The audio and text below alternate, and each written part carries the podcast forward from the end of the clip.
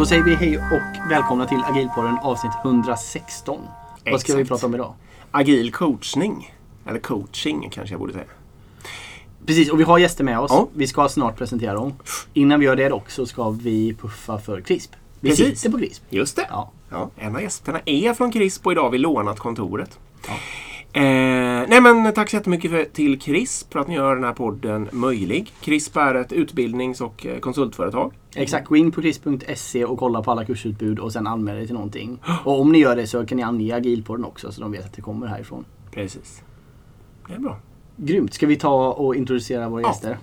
Vil- vilka är ni? Vi kan börja med dig. Eh, hej, jag heter Mikael Brodd, brukar kallas för Micke. Eh, och eh, jag är agil coach mestadels av tiden här på, på CRISP. Mm. Trevligt. Jag heter Jonas Ekstrand. Jag jobbar inte på CRISP, men jag håller kurs här ibland med Micke på CRISP om coaching. Jag är också agil coach. Mm. Mm. Så du Ja. skulle säga något? Nej, nej jag, är bara- jag, är, jag, är lite, jag är lite nyfiken, tycker det är lite roligt här. För jag kan tänka mig att det kommer komma lite eh, såna här dräpande grejer till coachning och coacher och sånt där. Vi, vi får se vad som händer. Men vad, eh, jag tror ni får helt enkelt börja här. eh, Så här vad är coachning för någonting? Eller coaching? Mm. Vill, du, vill du ta den Jonas? Oj, det här kan man ju prata ganska länge om. Ja. Det är okej. Men ni får göra mig lite mindre flummig. Ja. Men jag ska hålla det enklaste brukar jag säga. Det är, det är ett samtal mellan två personer. Men som mest handlar om den ena av dem. Mm. Ehm, Så brukar jag säga ibland. Ja. Eh, Men jag vill också säga att det är ett, ett samtal med syfte att eh, maximera den andras potential. Den som blir coachad. Ja. Mm. Det är också ett samtal där den som är coach är enormt nyfiken och eh, ser den andra som någonting stort. eh, och har ingen egen agenda. Mm. Så det är ett, samtal för någon framförallt. ja, just det. Mm. Det stämmer, ja, men det stämmer också ganska bra med min, eh, och jag, det, det kan väl jag säga då, min så här grundläggande syn själv är ju lite att det är ett samtal när man ehm, hjälper någon att komma fram till någonting genom att ställa frågor. Ehm, och ehm, i, sin, i, sin, i sin helt puritanska form så att säga så är det så jag uppfattat definitionen av det i alla fall. Ja, det var i alla fall, eller precis, vad är inte coachning för er då? Så att säga? Ordet riktig florerade här förut preppade lite. Så Oj. vad är oriktig coaching för någonting? Ja, vad ska vi säga? Alltså, det där med riktig coaching är en sån här lite godis för mig. För det var så jag kom in på coaching. Mhm. Jag, jag var på ett uppdrag som agil coach och tyckte jag ägnade mig väldigt mycket åt coaching. Och så träffade jag en, en, en faktiskt en krispare som, som sa, ja men du vet ju att det du håller på med, det är inte riktig coaching. Och eh, det där provocerade mig tillräckligt mycket för att ta reda på vad, vad, vad menar du? Så då ställde jag frågan som du ställer mig nu. Vad menar du? Så vad är riktig coaching? Eh, och då sa den personen, jo riktig coaching, det är sånt som ICF håller på med. Mhm. Det är ju International Coaching Federation. Ja. Så det var den definitionen jag kom in i. Eh, men jag skulle säga att det som inte är riktig coaching, det är när någon säger att den vill coacha dig, men vet vad... Den tror att du vet vad ditt problem är och den tror att den vet vad din lösning är. Och då är Ah, nog okej. inte riktig coaching. Den har en agenda från Mm. början ja, och därför kommer det liksom inte bli en ärlig coaching riktigt. Så att säga, Nej. ur den aspekten. Ah, okej. Men en, en vinkel på det här då, kan man ju ta. Eh, på, på vad är coaching och vad är inte coaching. Ur ett agil coach-perspektiv. Ja. Eh, så en, en definition utav agil coaching som jag brukar återkomma till. Den, den skapade Lyssa Adkins och Michael Spade eh, för ganska länge sedan när de jobbade på det som kallades för Agile Coaching Institute, hette deras företag vill jag minnas. Och då hade de, ritade de upp en modell egentligen där, där huvudsaken eh, är förstås att man, man är som agil coach så kan man allting om, om agilt och lean och så vidare. Det är man ju naturligtvis jätteduktig på. Man kommer någonstans ifrån, man har en bakgrund kanske från teknik, från programmering eller från, från business eller från verksamheten och man har det här. Men sen så har man huvudsakligen fyra olika stances som det så fint heter på svenska. Eh, positioner som man utgår ifrån. Och då kan man ju antingen vara lärare eller mentor eller coach eller facilitator. Mhm, Och de okej. här fyra teknikerna glider man liksom runt emellan som agil coach. Så man gör lite olika saker i de här. Mm. Lärare, mentor, coach, facilitator. Ja, Och det är just exakt när man sätter på sig coachhatten då, eller använder den färdigheten, det är då man absolut inte har en egen agenda och en lösning och så vidare antagligen då. just det. Och det var till och med det Lisa Adkins eh, skrev här. Hon tog egentligen definitionen från ICF. Alltså hur, hur ICF definierar coaching. Eh, som, som i, den här, I den här förklaringen utav det här agila coachramverket eller vad vi ska kalla det för. Då, men som försöker Ja, definiera vad en, vad en agil coach är för någonting. Då. Men om man till exempel är en facilitator, då har man kanske en agenda men ingen lösning då? Eller tänker jag, fattar jag rätt då? Eller? Ja, men en, facilitator, en facilitator håller ju i processen för ett möte eller en workshop för att nå en, en specifik outcome, ett mål som man vill få utav den här workshopen. Så då lägger man ju sig heller inte i innehållet eller någonting sånt. Precis. Utan det handlar ju mer om att förbereda den workshopen, sätta upp hur ska vi kunna komma fram till det här, hur skapar vi kreativitet och innovation om det nu är det som ska till eh, på ett sånt här möte. Alla blir hörda och så vidare. Ja, och allt det här. Mm. Precis så. Och en lärare har ju både liksom en agenda och eh, ett mål, eller vad man ska säga, själv antagligen. För vad den tycker att det ska Ja, absolut. Då, då finns det ju en specifik sak som man Ja. ska lära ut Exakt. naturligtvis. Och den, vad var den fjärde nu då? Så har vi mentorn. En mentorn, ja. Det.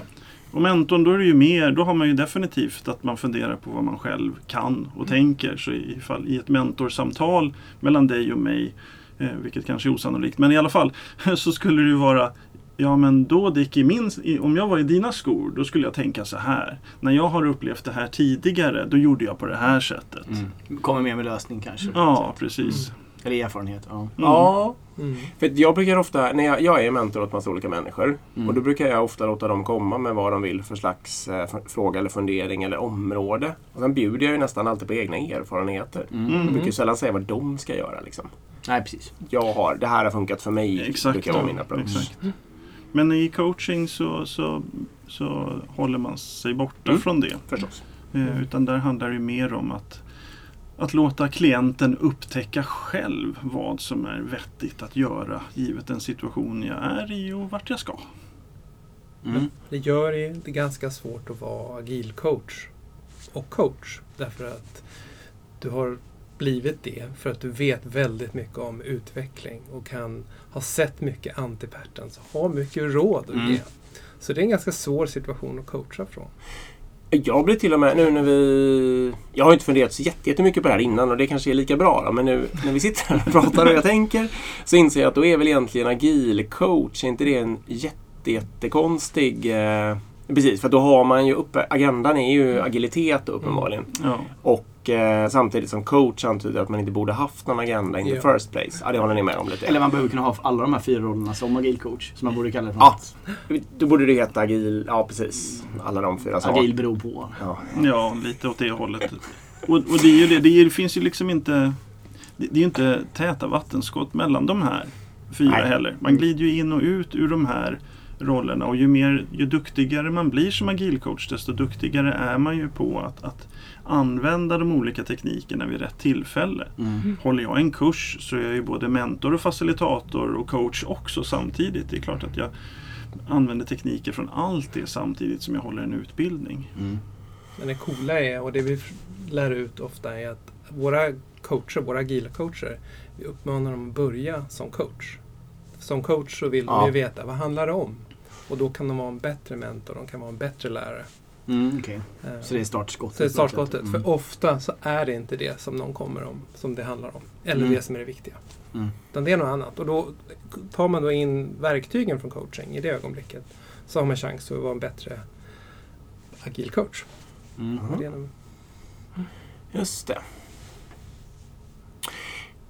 Ska vi hoppa för, för jag, jag tänker på mardrömsbilden jag tänker på coach. Det är ju liksom det här påtvingande coachandet. Eh, Det är väl en eh, extrem liksom att det är någon som ja, du vet, som bara ställer eh, öppna frågor hela tiden fast man kanske det är inte det man eftersöker som person. Nej. Både kanske, jag tänker mer på chefskap men det kan även vara agil coach kanske. Eh, Och sen tvärtom, eller åt, åt andra hållet så är det väl att det eh, är superpåtvingande istället då. Att personen bara kommer med lösningar och inte ställer någon fråga. Mm. Det, det, där har vi ett spann på något sätt va? Eh, Det håller ni med om? Absolut. Ja, oh, ja. Och frågan är liksom, för jag kan känna själv att eh, om någon bara... För, eller hela problemet med coachen tycker jag är att det, det baseras, eller krävs, att personen vill bli coachad. Om ni förstår vad jag menar. ja, det, det är helt sant. Det Ja. är väldigt riktigt. Och ofta är det inte så i organisationer utan om man tittar hur många organisationer jobbar i alla fall så krävs det av chefen att coacha sina medarbetare. Det ingår liksom lite i konceptet att vara chef kanske. Mm. Ehm, och då blir det lite påtvingat att ja, vi ska sitta här och du ska coacha mig att bli en bättre medarbetare. Ja, snarare jag ska coacha dig. Ja, Mm. ja, Jag är ja, men något på exakt. dig, med dig. Ja men exakt. Ja. Eh, och det, det har jag alltid haft väldigt svårt för. Ja. För jag vill gärna coacha men, men ja, då vill jag kanske välja en coach som jag tror är bra för Ja. mig eller som ja, nå mitt mål eller vad det kan vara. Är inte det också lite problemet om man har såna här så kallade agila transformationer och så är det någon som tänker ut att eh, det vore nog fiffigt att slänga in en agil coach här för att få de här konservativa människorna att ändra sig. Då har ju de sällan bett om att få den personen kastad i knät. Nej, så är det. att säga. Då har du verkligen en agenda. Ja, exakt. Och, eh, med någon agenda och det är verkligen inte fritt. Vad, hur, vad, för sådana uppdrag har ju ni säkert fått också. Det stämmer. Och hur tänker ni då liksom? Eller hur, vad gör ni? Jag kan börja med en, en kort anekdot eh, som, som inte är tagen från verkligheten, höll jag på att säga. Det är den ju, men, men i, en, i, en, i en kurssituation, en ganska rolig upplevelse som en, som en kurssituation, där en övning var att ja, men, läraren delade in eh, alla deltagarna i olika grupper och så fick de en uppgift de skulle lösa. Och så var det några som var utsedda att vara Scrum Masters, eh, som läraren tog åt sidan. Så berättade läraren för de här Scrum Masters att okej, er uppgift är nu att vara Scrum Masters och så ska ni, får ni varsitt team här nu som håller på med en uppgift. Och så ska ni gå in där och sen så hjälper ni dem att liksom lösa problemet snabbare. Mm. Ja, och alla blev ju eld och lågor utav det här. De som var utsedda som Scrum Masters och de sprang bort till sina team och sa Tjena tjena! Eh, ja, men nu är jag här för att hjälpa er eh, och jag ser ju att ifall, ifall, ifall vi bara kunde liksom titta lite grann och så kom de med en massa förslag och sånt Mm. där. Och sen i debriefen utav den här övningen efteråt eh, så visade det sig ett, ingen utav Scrum Masterna hade ju sagt hej och bett om tillåtelse att få hjälpa teamet. Och i stort sett alla som satt i de här teamen som höll på med en uppgift tyckte mest bara Vad är det för tjomme som kommer nu? Vi är ju mitt inne och håller på med det här. Vi vet ju ungefär vad vi ska göra. Eh, vad, vad gör du här? Mm. Och det är nog ganska likt en Ja. del situationer i verkligheten. Mm. Det är ofta så det är med chefer ju. Är det, så? Ja det tycker jag. Det är många gånger man undrar vad fan gör den personen här? Jag har ju en, ehm, jag, eh, jag har ju en organisation som utvecklar saker. Liksom. Men jag har också några få, få människor som är vårat lilla eh, verksamhetsutvecklingskontor. Liksom. De kallar sig nog agilcoacher. Man kan kalla dem olika saker. Men i alla fall, då fick vi, ingen av dem hade tid och så var det någon, eh, en kollega till mig då, som ville ha hjälp med en leverans som absolut inte funkar. Eh, och då sa jag, men jag kan, eh, det är bra att behöva göra något själv. Liksom, så jag kan, jag kan jag coachar teamet. Eh, och jag är inspirerad av Erik också som alltid brukar göra så. Och du, bruk, du är bättre än vad jag är på att ta sådana här sidouppdrag. Eh, men då kommer jag ihåg att jag, för då var jag exakt i det läget. Det var ju sannolikt att de inte skulle vilja ha massa hjälp eller råd eller skit. Liksom. Eh, Men då tror jag att jag, ehm, jag kom där och så sa jag liksom att jag har blivit ombedd då om att se om jag kan hjälpa till. Och, sen så, och jag vill bara vara med och lyssna lite och höra vad som händer. Så, här, så ville jag vara med på retro och demo och en daily tror jag. Och så var jag det och så bara... Och då, jag tror faktiskt jag lyckades med sån grundläggande coaching då. För jag sa inte ett pip om någonting. Jag bara ställde lite, lite frågor och iakttog alltihopa. Liksom. Mm. Och det var ändå... ehm, de var glada sen, hoppas jag, tror jag, när jag försvann därifrån. Och jag hade, tyckte själv inte att jag hade gjort någonting, men, men jag hade ändå liksom eh, kanske puttat dem i någon slags självutvecklande resa. Så, Mm. så man kan ju, ja, hoppas jag, Ja, men det är väl klart att man kan. Men, men naturligtvis så kan man ju det. även om man är det- oombedd. Ja, men det gäller ju att, att hitta ett sätt så att man bygger ett förtroende eh, mellan dig då som agil coach eller någon slags coach och teamet eller individen Oh. som du ska göra det här med för att det ska kännas naturligt och det, det ska bli ett bra samarbete här emellan. Och man behöver ju också vara lite tydlig med men vad, vad är det som ska åstadkommas då? Vad, vad blir din roll här? Och speciellt om man är agil coach. Mm. För att ta de här två ytterligheterna som du var inne på Erik, med, med liksom, eh, den agila coachen som svarar på alla frågor och den agila coachen som aldrig någonsin svarar på en fråga och bara svarar med en fråga på din fråga Mm. hela tiden. Så var ska jag lägga mig? Vad är min roll här? Är jag mer hands-on och ska leverera saker som agil coach eller är jag här för att eh, Eh, skapa lärande, få teamet att upptäcka eller organisationen att upptäcka saker själv och skapa en, en, en inre förflyttning på det sättet. Mm. Men hur, hur börjar man? Sä, säg nu att ni ska coacha antingen en person eller ett team. Mm. Vad, vad är första initiala steget? De vill bli coachade, säger du det? Eller? Ja, det, Ja. Ah, lite mittemellan. du Du måste, du måste nog ta reda Ja, på det. Ja. du vet riktigt. Första mötet, vad Ja. händer? Ja. Ja, vi säger att det är ett team. Det jag gör som första mötet är att jag, jag, eh, jag hänger med dem och jag säger så här. Jag är coach. Det- Är det någon som vet vad det är? Jaha, vad har ni, vad har ni för liksom tidigare erfarenheter? Så får vi ut de här. Ah, det är sån där. Jag hade en sån där. Det var ing, usch, det var inget bra. Ofta, ofta vad- är det ju så. Ja, vad berätta om det och så, så går vi igenom liksom, tidigare erfarenheter. Mm. Och sen säger jag, men vad vill ni höra vad jag, eh, vad coaching är för mig? Och så berättar jag om det. Mm. Och sen säger jag, eh, jag kommer göra så här. Är ni med på det? Jag kommer avbryta er. Och om ni tycker det är pest, då vill jag veta det. Säg det på en gång. Mm. Eh, och så snackar vi om det. Eh, så jag pratar och får okej på hur jag ska jobba med dem. Okej. Så det, det gör jag först. Mm. Och då, och då liksom formerna nästan. Så Och här. sen pratar jag alltid mer om så här, vad gör vi med det jag hör och ser? Eh, vill, ni att jag, vill ni att det stannar här? Ehm, Mm. hur ofta ska vi ändra riktning på vad vi vill ha hjälp med? Så pratar vi om det. Så det gör jag alltid numera. Ja, numera smart. säger jag. För det gjorde jag inte innan jag träffade den där eh, retsamma coachen. Nej. Nej. Nej, men och det där är en bra poäng och man kan ju ehm, formalisera det. Mm. Mm. menar, en del i, i den coachutbildningen som vi har gått på, på ICF är ju till exempel att man lär sig hur, hur formaliserar man ett kontrakt mellan mig som coach och dig som klient. Mm. Givet att vi ska ses nu tio gånger eller någonting Mm. sånt där för att du har eh, en, en målsättning som är någonstans där borta i den vackra framtiden och du vill ha hjälp att ta dig dit. Mm. Okej, och då, då, då kommer vi överens om en, en, en del formalia och massa saker som liksom hur det här ska gå till. Vad gör jag? Vad är ditt ansvar som klient? Ja, till exempel som coach kan ju inte ta ansvar för vad du gö- faktiskt gör utav det du säger.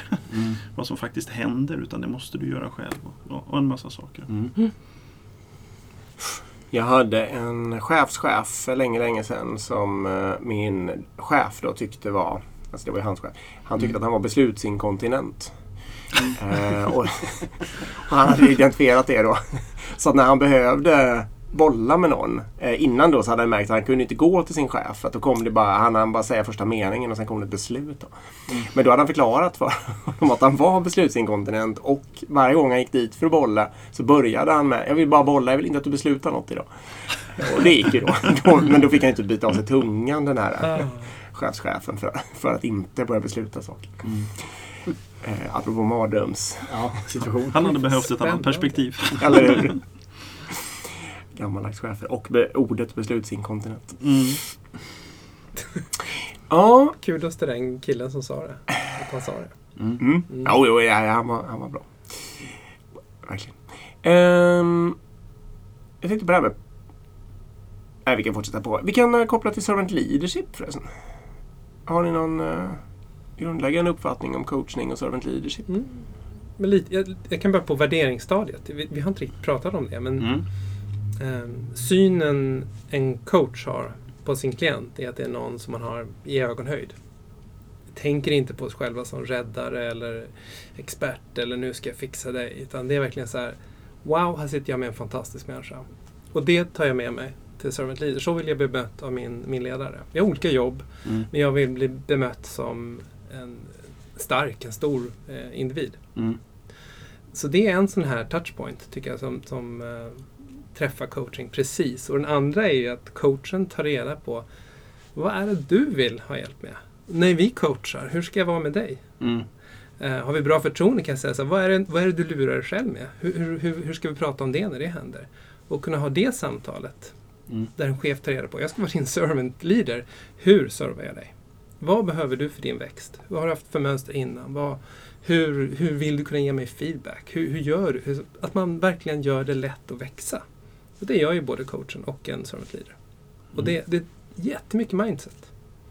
Det är in, aldrig så här, nu ska jag göra det här på dig. Utan det är så här, nu ska vi jobba ihop. Hur är jag i, i din tjänst? Mm. Hur gör vi för att sätta det? Det tycker jag är en så här klack, klockren Mm. träffpunkt. För jag, jag försöker ju i mångt och mycket vara servant leader då, så, ja, om jag kan. Och jag tycker ju att eh, David Marquettes liksom, skola är bra tankesätt där. Och då tycker jag ju att de, eh, grundtekniken där är ju på något sätt nyfikna frågor. Du hade något exempel där med ris? Hade du, Ja, vi, ja, precis. Vi kan ta den. Den, är ju, den tycker jag är en bra, en bra blandning mellan att vad ska man säga, en, en bra avvägning mellan att besluta något och att ställa det här som irriterar dig om man ställer för öppna frågor. Ja. Eh, för den går ungefär så här. Ni har kanske läst, du har säkert läst den här. Kanske läst den båda två. Nej. Jag har inte läst erkänner. Eh, Turn the ship around kommer den därifrån. Bra bok. Mm. Bra bok ja. Och då eh, kommer kocken och undrar vilken, du får rätta mig om jag minns fel, men eh, om han ska servera råris eller vitt ris tror jag. Och då kan man, liksom en, det gammaldags sättet hade ju varit att bara besluta något. Då. och det här Uber, eh, liksom öppna sättet kunde ju vara antingen bestäm själv, det är ganska dåligt för då hjälper man ju inte personen att komma vidare till nästa gång. Eh, eller så här, eh, hur, eh, eh, hur skulle du tänka? Eller något sånt där som inte liksom får den in på något bra spår. Men som jag minns det hela i alla fall så började han ju ställa så här halv, alltså ledande frågor men ändå öppna kanske, eller halvöppna. Men vilken, vad åt vi förra gången? Vad är det för slags mat? Vad brukar folk tycka? Ehm, och sådana där saker. Ja, hur mycket har vi kvar utav de olika Ja. mm. på, på ubåten? Och då har han ju ändå lärt personen att vilka faktorer som man ska beakta. Mm. I, eller lett honom in i det, liksom tänka på det. Men eh, inte levererat svaret och också stimulerat till egen tanke.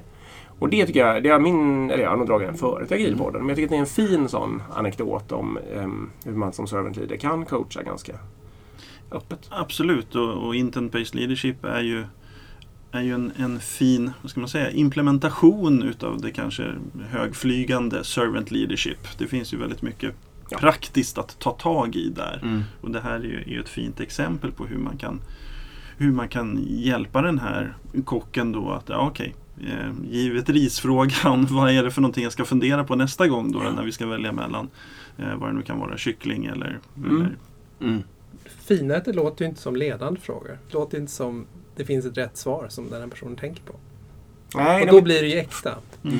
de är inte ledande på det Mm. sättet. De är ledande på det viset att de pekar ut vilka faktorer som man borde tänka Öppna på. så att säga. perspektiv. Exakt. Men, Och det behöver ju inte vara ledande heller utan det kan ju vara absolut helt okej för att en, ett, en, ett missförstånd som ofta sker kring coaching är ju att Många tänker att ja, men det är bara en massa öppna frågor hela tiden. Eh, och, och det är liksom, det, vi kommer ju aldrig någonstans. Vi bara frågar runt i någon slags sörja här och så händer ingenting. Utan, men, men det är ju inte sant. Alltså det, det är ju ett otroligt målfokus i coaching. Det är ju alltid med ett slutmål i tanke. Så, så man coachar ju hela tiden för att individen, klienten, ska inse själv vad det är som stoppar mig för att ta mig dit. Vad är Mm. det jag behöver för information för att kunna ta det här beslutet som saknas.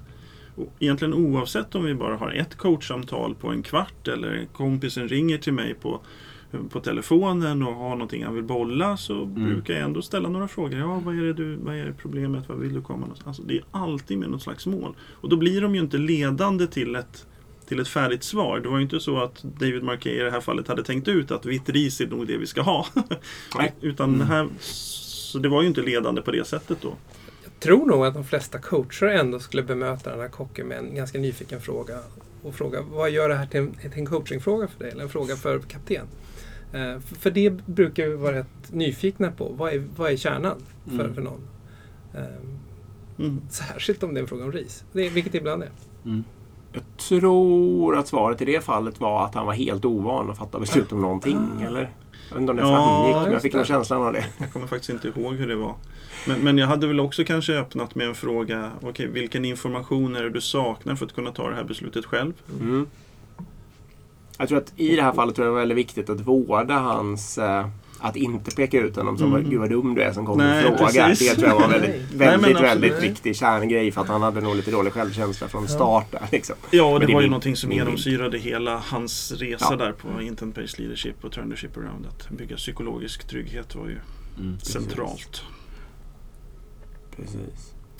Men, eh, men förlåt, men en, en annan del i, i, eh, i, liksom i servant leadership-spåret eh, kring det här eh, som ju också är centralt är ju att om, om man ska få människor att växa så vill man ju att de ska skapa insikter själva. Man vill ju skapa ett eget lärande eh, för att undvika allt det här not invented here-problemet. Att eh, ifall jag berättar för någon så så kanske de tar till sig det eller så kanske de inte Mm. tar till sig det. Utan det, är ju, det blir oftast en, en djupare, ett djupare lärande ifall personen själv kommer till insikter och, och provar och inser.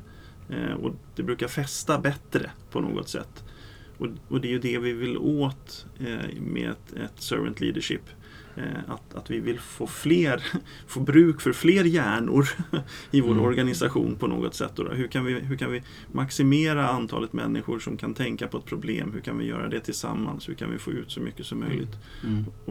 Då krävs det på något vis att, att mm, man lyfter allihopa på sitt egen, deras egna sätt och genom deras egna insikter. Och, och att, att själva förstå eh, vad det är för någonting som stoppar dem eller vad det är för någonting som de krävs eller så för att komma vidare. Och det, Mm. det passar ju väldigt väl ihop med, med servant leadership och, och just det här att maximera lärande. Mm. Och långsiktigt. Mm. Det Men det sagt, det är ju, coacher försöker ju inte coacha in kunskap eller information som inte finns där. Det, det gör ju inte vi. Det är ju elakt. Mm. Så, så, så det är väl en myt vi kan krossa. Jag tror att om vilken coach som helst, om vi sitter på ett rent datasvar, så ger vi det. Ja, precis. För vi är det, inte oschyssta. jag, jag, jag tänkte på det också. För vad är det som avgör om det är det eller inte? För till exempel om vi, om vi tar sprintlängd till exempel. Om vi säger att vi har ett team som, som kommer och säger så här. Vi tycker att det är skitbra 10 veckors sprintlängd liksom. Ehm, då, då skulle man ju liksom, då, då är jag ju sugen på att säga att ja, mest troligen så borde ni gå ner till två veckor och försöka komma ner till en vecka kanske. Empiriskt är det väl- alla team jag jobbat med någonsin mår bättre av att ha kortare, för det blir korta feedbackloopar och så vidare. Så det, det där finns det ju ett svar på ett sätt. eh, som är sant, tro, mest troligen. Det kan ju finnas Ett hårdvarukopplingar. sannolikt svar. Ja, exakt. verkligen. Precis. Mm. Det är hög sannolikhet att de flesta team skulle må bra av att korta sin sprintlängd till en vecka om de har tio veckor. Ehm, vad är det som avgör att liksom när det... förstår ni vad, jag menar med att de själva ska komma till den insikten och att det ska bli en coachande grej till att som du säger att det finns faktiskt mer eller mindre ett svar på den här frågan. Mm. Den gränsen kan jag känna är svår. Ja, nu höll jag på att säga det beror på. Ja. Men, Ja, det får man göra här i men, men eh, i, i det här exemplet så skulle jag bli jättenyfiken på Therese. Så vad, är, vad är kärnan? Vad är det som är bra med tio veckor? Så Mm. vad är det som händer då? Och hur blir det för dem som vi levererar till? Hur blir det för andra? Vet ni det? Har ni tänkt på det? Mm. Så jag skulle bara kolla, så har, vi, har ni tänkt på de här perspektiven? Det skulle du tillåta dig att Det börja skulle jag- fråga innan du säger ett pip om två veckor. Och sen skulle jag, jag menar, de vet ju säkert om det. Att Ja. de flesta kör två veckor. Varför det? Och så skulle man börja kolla, Ja. så här, vet Okej. ni varför det är två? Ja. Som är vanligast här. Vet du vad fördelarna är? Vet du vad kostnaderna är? Jag ska bara kolla det. Och det här är ju Eh. jättebra. Det här är ju precis det Jonas sa tidigare här nu då. Att, att, men börja i, som agil coach, börja i coachingstansen. Nyfiken. Vad handlar det här om? Ställ några frågor. Även om du känner att det bubblar inom dig. Ja, men för guds skull, kör två veckor. Men det, det måste ju finnas någonting där bakom Ja. som har gjort att de har kommit fram till det här. Ja. Mm. Vad är det för någonting det då? då? Är, det, att- är det det klassiska? Ja men våra Svårt- saker är så med. komplexa och så Mm. stora så vi kan inte slicea det här och det, så, det går inte och så vidare. Och då, då vet man ju att ja, men det är det som ligger bakom och då kan vi jobba med Mm. det. Eller är det någon annan förespegling som har, som har hänt som, som gör att vi vill gärna ha tio veckor istället för två veckor. Mm. Eh, och, så att det är i stort sett alltid bra att börja med några nyfikna frågor och bara Mm. försöka komma lite djupare. Eh, så att det inte bara blir en, någon slags plåster på en inre blödning på något sätt. Mm. Mm. Jag har, eller, precis, för det vi pratar om nu är ju lite att man använder coachning som när man själv har tänkt för, kan för mycket eller har tänkt för långt. Mm. Eller hur? Egentligen det var så det började in. Mm. Mm. För det hände mig idag att jag hade vi var tvungna att ge ett uppdrag till en gruppchef. Mm. Eller tvungen, skulle göra det helt enkelt. Eh, och då hade jag förstås funderat över, och det var ganska svårt. Så det spelade roll vem det skulle bli. Liksom. Och då är det ju omöjligt att inte... har jag råkat komma på det liksom, så har jag redan tänkt lite då. Liksom. Eh, och sen ska jag fråga alla andra i min ledningsgrupp. Och då tänkte jag väl noga på det att jag får inte bara säga, jag hade två namn liksom. Jag kan inte bara börja med att säga då. För då eller är det ju som en våt filt liksom. Mm. Men jag ville väl heller inte bara... För frågan kan ju liksom uppfattas på lite olika sätt. Vi pratade lite. Um, alltså någon drog ju då um, vad frågan var och sådär och sen så pratade vi lite runt och så kom det lite förslag och grejer. Och då kände jag väl att jag ville väl ändå så här, uh, jag ställde ju sådana frågor, jag tillät mig att ställa sådana frågor som kretsade kring vad jag själv hade just haft för faktorer som jag tyckte Mm. var viktiga på något sätt. Eh, och när jag, hade, ja, när Ja. jag kommer dit då kommer ju de där namnen. Precis samma då. Som, Mm. Men det kom ju också ett, ett annat namn som skulle kunna funka innan jag hade som vi ska utreda också. Liksom. Så det, och det kanske det inte hade gjort om jag hade...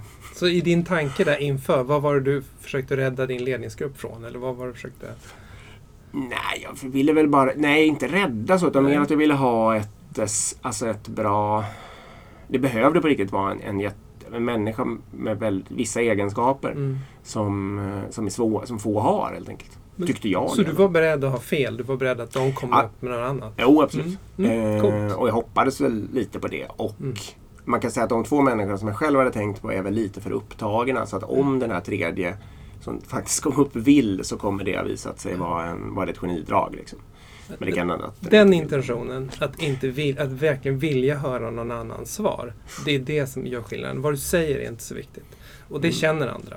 Om du hade Mm. sagt det där, oh nu ska inte det verka som att jag har bestämt mig. Så att jag säger så här. Det hade ändå gått igenom. Så där har du servant leadership mindsetet och coachens mindset. Ja, jag ställer den här frågan för att jag tror att det kommer göra dem bättre. Inte för att jag är nyfiken eller att det får mig att se smart ut. Eller. Mm. Det här är skillnaden.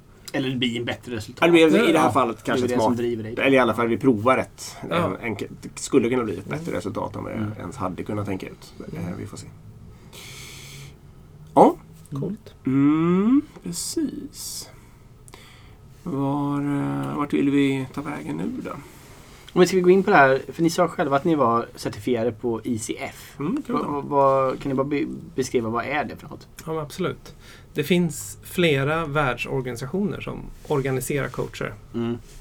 Eh, och, och är lite garant för att en, en coach kan vissa saker eh, och uppnår vissa har vissa etiska riktlinjer som de följer. Mm. Och en av de största, jag tror den största, är International Coach Federation, ICF. Så när vi säger ICF så är det, är det vi syftar på. Okej. Eh, och de har eh, tre certifieringssteg för coacher. Mm. Eh, så, och både är det utbildningskrav, eh, coacherfarenhet och också färdighetstest. Eh, och så får man coacha upp igen eh, efter ett tag. Man får omcertifiera sig. Okej. Och det är för att veta att någon som är certifierad har både gått med på de här etiska professionella riktlinjerna men har också nått en nivå av, av professionalitet inom coaching Mm. som, som de står för. Och varför är det etiska viktigt? Bara, är det för att man är rädd för att man kan manipulera i en coachens situation? Eller vad? Alltså, som, som coach kan du hamna i, precis som chef, att du vet, du får plötsligt väldigt mycket information. Mm. Och om du inte tänker dig för så, så kan du plötsligt, någon kan ställa sig frågan, undrar varför Jonas ställer den frågan? Han coachar ju också Bengt. Eller Marit, har de sagt någonting? Mm. Så att, att, att tänka på att inte sätta sig i den situation där din integritet blir ifrågasatt. Mm. Ehm, och har ett tydligt avtal med den som betalar dig. Så att inte de plötsligt säger så här, jag vet precis vad du sa, vad Dick sa till dig. Mm, just det. Nej, det känns ju inte bra. Utan veta att ja, men, en, en certifierad coach kommer aldrig göra det och kommer tala om det från början. Ehm, det är lite sådana saker Okej. som, Mm. som annars kan skada yrket Mm. och medarbetare. Det kan ju vara andra, andra detaljer som att ja, men, alltså, coaching är ju inte KBT. Mm. Eller, eller någon annan typ av terapi eller psykologi eller, eller ifall vi hamnar i, i andra frågor kring missbruk eller vad det nu månde vara för någonting. Då är liksom inte coaching grejen utan då måste man också kunna hantera sådana situationer. Det är inte helt ovanligt att, att det bubblar upp sådana här saker i, i samtalen. Mm. Och, och sen då vara noggrann med konfidentialiteten naturligtvis i de här samtalen. Mm. Mm. Och, och att det är väldigt tydligt, liksom, precis det som Jonas är inne på. Ja, men, hur för, vilken information förs vidare om ens någon överhuvudtaget? Vad, vad kommer hända ifall jag i förtroende sitter här och erkänner någonting? Mm. Eh, För om det inte finns ett fullständigt förtroende och transparens kring det i ett sånt här samtal så kommer det inte funka. Just det. Mm. Bara av nyfikenhet, vad, hur eh, lång tid eller hur dyrt eller någonting är det att bli de här nivå 1, 2, 3? Oj. Och nu, bara för det så har de gjort om det lite sen, sen jag startade mig. Så jag, jag ska inte svara på det. Ja, du kan svara hur det eh, var när du startade dig. Och det var ganska dyrt. Ja. Eh, jag gick jättebra utbildningar. Jag gick första utbildningen ett halvår och sen ett helt år. Och ja, vad kan jag lagt totalt? Ungefär 78-90 tusen på Ja, utbildningen. just det. och så Mm. väldigt mycket tid. Säkert Ja. en halvtid på arbetstid. Okej. Under, vad sa du, ett års tid? Under för ett att års tid. komma till nivå? Eh, då är, det, är jag bara utbildad. Okej. Och sen så måste jag ha erfarenhet. Mm. Eh, och det tar ju lite längre tid. Ja. Eh, och Så logga rena coachtimmar. Precis, så, så en del utav kravet är ju inte bara att man har gått igenom utbildningen Nej. och sen så är det ett test på slutet utan du ska ha coachat på riktigt och fått betalt. Så du ska ha riktiga coachklienter som du har jobbat med. Eh, och du ska ha i första nivån så är det 60 sådana timmar du ska ha gjort. Eh, på nivå två så är det, Det är 100, 500, 2500. ja, det är, ja. och, och, Timmar? timmar. Mm. Ja. Ja, precis, ju- förlåt. Exakt. Ja. det är mer än ett års arbete då, Ja. Mm. till exempel, för att komma till något. Okej. Mm. Och du ska också eh, ha lite mentorcoaching. Mm. Att du har blivit mentorerad utav andra coacher. Mm. Eh, för att få, få guidning på vägen och ha någon att kunna bolla med. Men, Ja, okej. Så att det är ju ett ganska, ganska höga krav för att kunna få sitt, eh, sitt certifikat sen. Då. Mm. Ja, precis. Det, det är ganska seriöst. Jag tänker närmast på typ alltså så här, för att bli psykolog eller något sånt där liknar ju lite till exempel. Mm. Alltså att man måste jobba under, alltså för att få en, en legitimation som psykolog. Till exempel. Ja, precis. Inte, för att annars är det ju närliggande till hands att tänka på ett känt skalningsramverks certifieringar. Och då är det ju mera, okej det är inte superenkelt det heller i och för sig. Men TikTok är ju fullt av livscoacher som är certifierade med olika... ja. Men det, det som är roligt med, med coaching, och det, det är en av de få saker som jag har känt så för. Det här är verkligen ett eh, mastery som aldrig blir klart. Mm. Jag har aldrig varit på något där jag varit så road av att det är så långt kvar. Okej. Och att det aldrig blir slut. Så det blir en del av... Eh, så, så det tycker jag om med certifieringen också, att veta att det är lite utmaning. Mm. För ni, ja, precis, ni är ju för certifieringen också så att säga. Alltså ni tycker att det är en bra, i grunden är en bra grej i det här Det är fallet. personligt, men jag är för att eh, jag är för det som certifieringen vill uppnå, det här med kvalitetssäkerheten. Mm. Mm. Att, att det blir något, sätt, något att lita på. Vad står en coach för? Att, att tar man en certifierad coach så kan man veta att det är det här de, de har gjort i sin utbildning. Det är det här de gör och det är det här de står för. Kunna veta det är rätt skönt. Mm. Mm. Ja, men bra. Mm. Jag är är övertygad. Ja, Vad skulle ni säga är det vanligaste felet då, om man gör som, som coach? Om man försöker vara coach eller om man är agil coach? Ja. Alltså jag brukar säga att coach är att avlära sig allt vi har lärt oss som att vara människa. Nästan allt. Så, så coacher älskar att avbryta människor som pratar. När någon är tyst, då är coachen tyst. Det är en sån här tvärtom-grej från vanliga livet. Den andra grejen är att vi försöker, när vi är på jobb, då försöker vi vara hjälpsamma hela tiden. Jag vet precis vad du tycker. Ja, jag, jag, jag, jag håller med. Jag har varit med om samma sak. Vi tränar att liksom bygga rapport på ett sätt och säga jag fattar. Mm. Eh, Jag vet och jag kan ge dig svaret.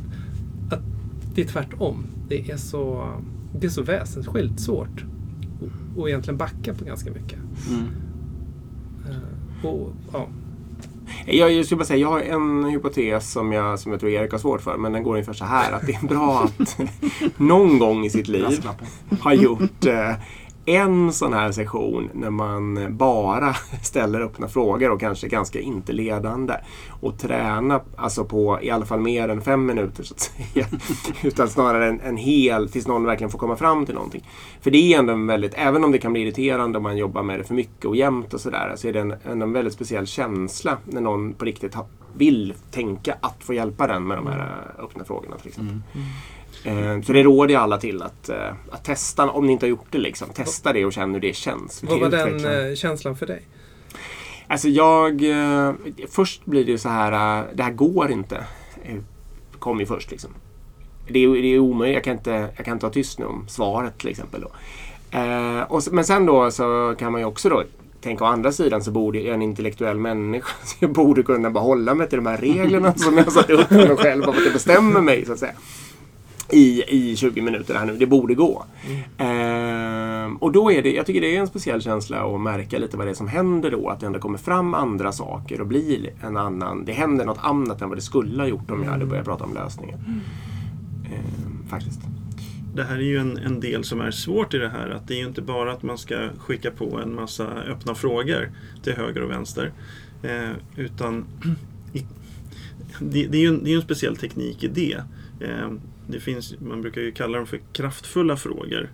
Eh, så det är inte vilken öppen fråga som helst heller. Utan, utan, eh, och, och lyckas man med det så brukar man ju märka det på den man coachar på klienten genom att man ser att personen stannar upp och man ser kugghjulen snurra i stort sett. saker. Mm. Ja, det här fick personen att reflektera, fundera och vrida och vända själv. Då då. Mm.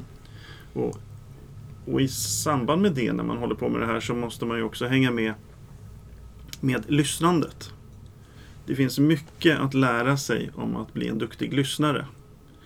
För en, ett vanligt misstag för nybörjarcoacher är ju att det händer en massa saker i mig. När du berättar om ditt Mm. problem Mm. så, så börjar Ja. det ju bubbla inuti här och jag känner ju en massa saker. Mm. Känner man igen. Ja. Och det här är ju otroligt viktigt att släppa. Mm. Eh, och det där brukar man kalla för en nivå 1-lyssning. Att man, man lyssnar för att man själv vill förstå. Och jag ställer frågor då till dig för att jag ska förstå. Inte för att du ska upptäcka något om dig själv. Eller, eller ditt resonemang. Eh, och då är man på väg åt fel håll. Ur ett rent coachingperspektiv. Mm. Jag tror en coach lyssnar på magen, sin egen mage. Så, oh, oh, oh, nu känner jag så här. Men lyssnar samtidigt på klienten. Och så funderar han på, är det där jag eller är det det som hände Mm. här? Mm. Och sen, vad är det vi inte pratar om? Så det är liksom någon sorts tre-lyssnande. Ehm, och att, jag minns att som ny coach så hade jag de bästa frågorna. Alltså jag hade så jättebra frågor som jag hade fått lärt mig.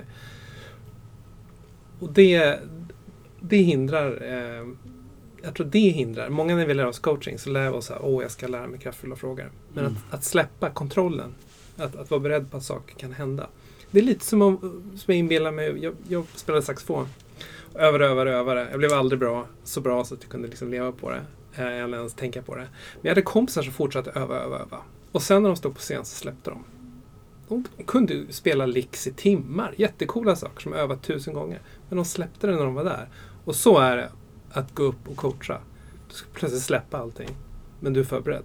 Eh, det är en jättekonstig grej. Jag vet inte hur man ska förklara det riktigt. Mm. Men, eh, Nej men precis, det gäller ju att, att liksom i situationen känna av vad, vad är det för någonting som är, är Vad är det för någonting vi måste utforska nu? Vad har vi inte varit i vårt samtal?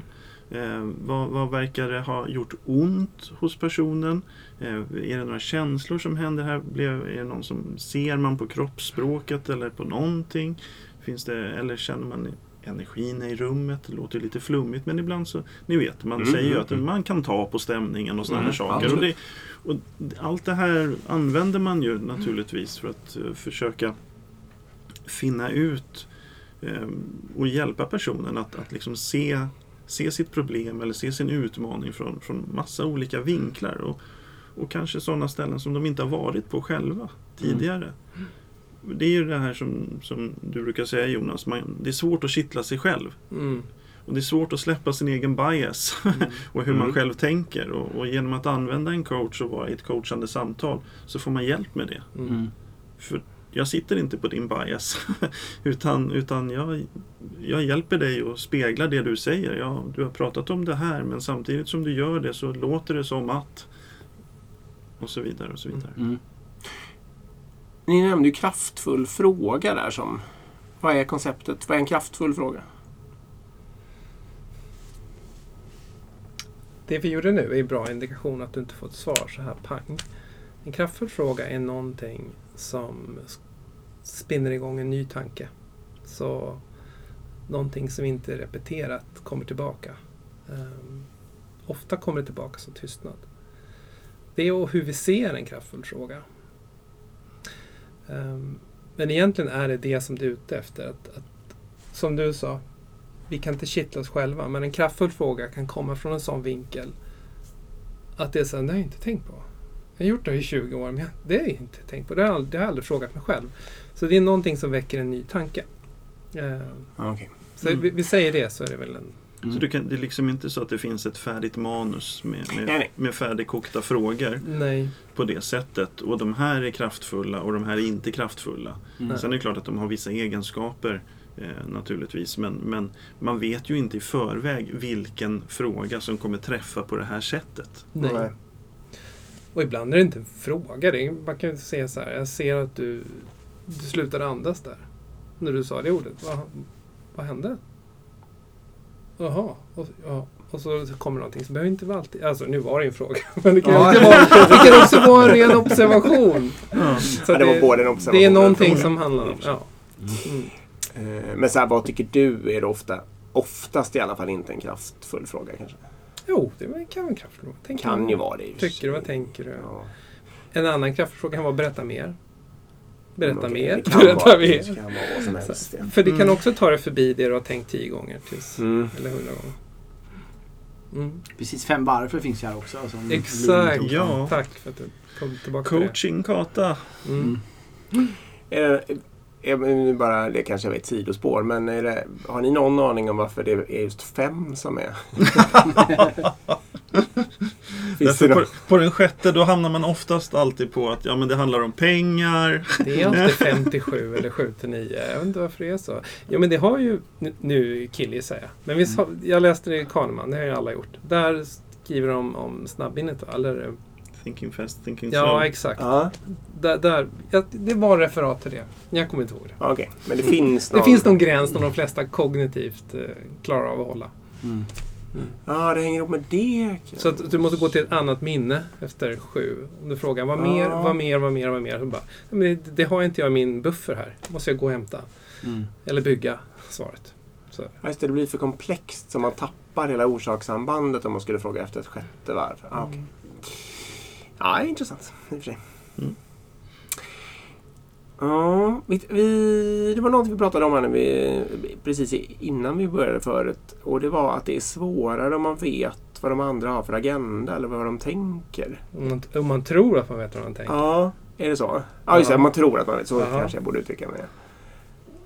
Ta, ta ett exempel. Nej, jag vet inte. Jag tror att vi sa om det är någon familjemedlem. Ja. Så tror, man att, eh, så tror jag att jag vet vad alla de andra familjemedlemmarna egentligen vill och så vidare. Och då kommer jag bli en dålig coach kanske för att jag har massa förutfattade, ja, massa biases då. Mm. Är det så ni menar? Både och. Det, det är både det som är utmanande. Att du tror att du vet vad någon menar och vad någon vill.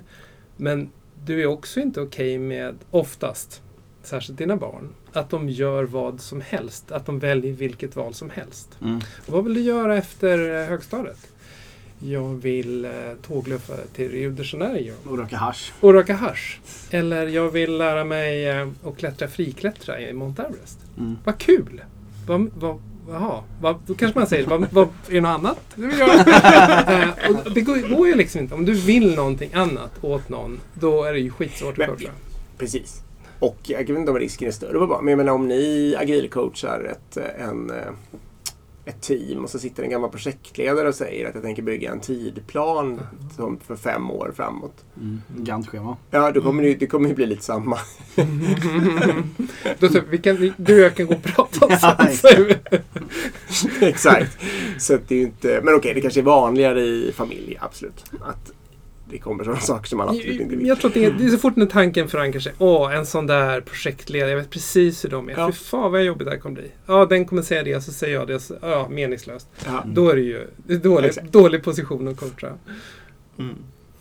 Ehm, Men det är ju också en, en skillnaden mellan agil coaching och, och eh, ICF-definierad coaching, då, om vi ska kalla det för det.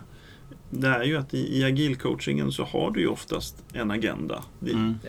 Eh, speciellt när vi kommer som, som konsulter till en organisation så, så, så har ju organisationen alltid ett problem de vill lösa. Så, Mm. det, så det finns ju någon slags agenda att jobba mot. Mm. Det är ju inte ett fritt spelfält liksom. Men då kan ju ICF-definitionen utav coaching är ett verktyg att ta fram. Mm. Det har ju hänt på uppdrag att jag har fått rollen som, som riktig coach därför att det har varit eh, människor som har, som har behövt jobba med sig själva under förändringen. Bara för att hantera att nu är det förändring och det, och det är jobbigt. Och, och då tar man riktiga coachingsamtal med de människorna för att hjälpa dem med det. Mm. Eh, helt enkelt. Min erfarenhet är att den där projektledaren som sitter med sluten kropp och om den blir lyssnad på och bemött, lyssnad, vad är dina farhågor, vad, vad vill du, hur kan vi göra annorlunda, kommer bli en supporter. Om den hittar sin plats i det. Så att det, Mm. jag tror att även när vi har en agenda så vi kan inte hoppa över och möta människor där de är och lyssna på hur är det för dig just nu och hur känns det att vi ska gå dit? Vi vet ju att vi måste göra det. Vad, vad, hur får vi det att funka? Och är på, är på riktiga med dem? Eh, inte bara försöker liksom knuffa dem. Vid någon punkt så vet de ju att de behöver, de kan inte stoppa förändringen. Eh, men de kan behöva säga sin grej och de får bli hörda och eh, validerade. Och, Mm. mm. Precis, jag tänker också just för agil coaching. eh, Jag tänker att om man som företag köper in en agil coach eller hyr in en agil coach Mm. så är det ju också kunskapen man vill åt. Eller hur? Man vill Mm. inte bara ha en frågeställare. Exakt, eller coachning nödvändigtvis. Mm. Utan det kanske är just det här, du som har sett andra, tio andra företag. Mm. Hur, vad, vad har varit mm, liksom, ja, success factors hos dem eller vad har inte gått bra hos dem och så vidare. Och, och då är det tillbaka till det där som Jonas pratade om i början också någonstans. Att, eller det här med att, jag menar, hur, hur sätter vi upp det här uppdraget då? Mm. då? När, när jag kommer in och så ska jag hjälpa din ledningsgrupp eh, att bli ett ledningsteam och så ska vi hantera någon förflyttning i den agila världen under tiden. Ja, men då är det viktigt att vi är överens om hur vill du att jag agerar i det här? Eller hur vill ni bli hjälpta? Eh, hur, till vilken grad ska jag leverera svar på och, och lösningar och till vilken grad är ni beredda på att bli utmanade i, i det ni tror och tänker och så vidare. Och att man sätter det här i, i, början så att man vet vilken, på, vilken roll man ska spela då som konsult i det här. Mm. Jag skulle vilja påminna också om att jag, jag tänker att eh, om, man har, om agendan är agil transformation så är det inte alls säkert att alla har samma agenda så att säga. Och det är fortfarande viktigt att komma ihåg att troligen har ju alla samma agenda i form av att de vill något bra för organisationen. Mm. Eller annars har man ju ett ännu större problem. Men, Mm. men det är ju likt troligtvis både i en familj och i en eh, organisation eller en myndighet, företag. Så vi vill ju förhoppningsvis de anställda att det ska bli något bra av det hela så att säga. Och i en familj så vill de flesta att alltså, man ska ha kul tillsammans kanske. Eller känna, alltså, utbyta varandra. Man har ju någon, någon slags sån agenda. Mm. Så det går ju ändå att ta fart. Det beror ju på hur mycket tid och hur sega de är. och 10 000 saker förstås. Men det kan ju finnas chans att ta tag i det gemens, den gemensamma agendan och sen så ta det därifrån istället för att Oh, ja. gå, gå direkt på lösningen agil transformation då till exempel. Och helt ärligt, vi har aldrig lösningen. Och vi kan säga mycket om agil transformationer, varför det är en dålig idé. Men, men det finns en annan ren som agil coach. De som sitter i organisationen, de är ju fantastiska på att veta vad som funkar och inte funkar. Deras kunskap är Mm. vansinnigt mycket mer värd. Och få dem att hitta ett annat sätt att använda den. Det är ju det vi kan göra som är värdefullt. Mm. Jag kan inte ersätta, ta ett team som har varit på ett företag. De kanske har 40 års erfarenhet på det företaget.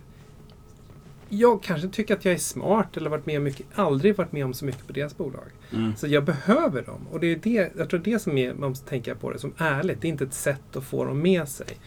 Det är ett sätt att få folk att bidra på riktigt och förstå att de kan. För den sekunden vi kommer in och säger så här, det där gamla var kört, då stänger de. Mm. Jag vill inte veta vad jag har. Får du visa att det funkar då?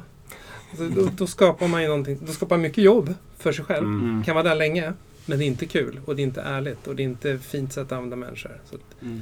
ehm, någon kanske hakar på. Någon, någon, det är alltid någon som gillar nya grejer. Men, Mm. men de flesta blir så här. Men jag vill bli värderad för vad jag kan. Och, Mm. och det är ju jätteviktigt. Förutom om det rör sprintlängdsfrågan. Jag, fun- jag funderar lite på, på... Det finns alltid något sånt där som man inte förhandlar om. Står i kontraktet bara. Ni får inte skippa det tror jag. Nej, exakt. Hoppas att Erik någon gång i sitt liv blir chef över någon hårdvaru... sånt där. Jag kommer undvika det mån. Prototyperna är jättesvåra att få fram. Mm. Okej, men vi kanske ska runda. Ja, kan vi göra. Jag känner mig klar. Mm. Är det något mer ni vill? Min fråga är, är det något som ni suger på som ni inte fått svara på eller tyckte var lite konstigt med coaching? Eller? Nej, okej. nu, då säger jag min eh, fördom innan vi började med det här. Ja. Då, tänk, då jag var nog lite så här orolig att ni skulle... Eh, att det skulle vara lite likt så här ett liksom, vad heter det, mm, förändringsledarramverk eller så här. Att nu är det ruta ett och ruta två och vi har lite metoder här och det här är jättebra för alla i hela världen. Och så. Okej. Eh, och då måste jag ju säga att nu har ni ju eh, det känns ju bättre med det här um, ICF och det, allt, era tankar och alltihopa efter det här avsnittet har spelats in än vad det gjorde innan så att säga. För det känns ju på riktigt på någonting som är, ändå är väldigt, väldigt bra. Det tycker jag. Mm. Mm. Ja, bra. Så Mm. skönt. Du då Erik?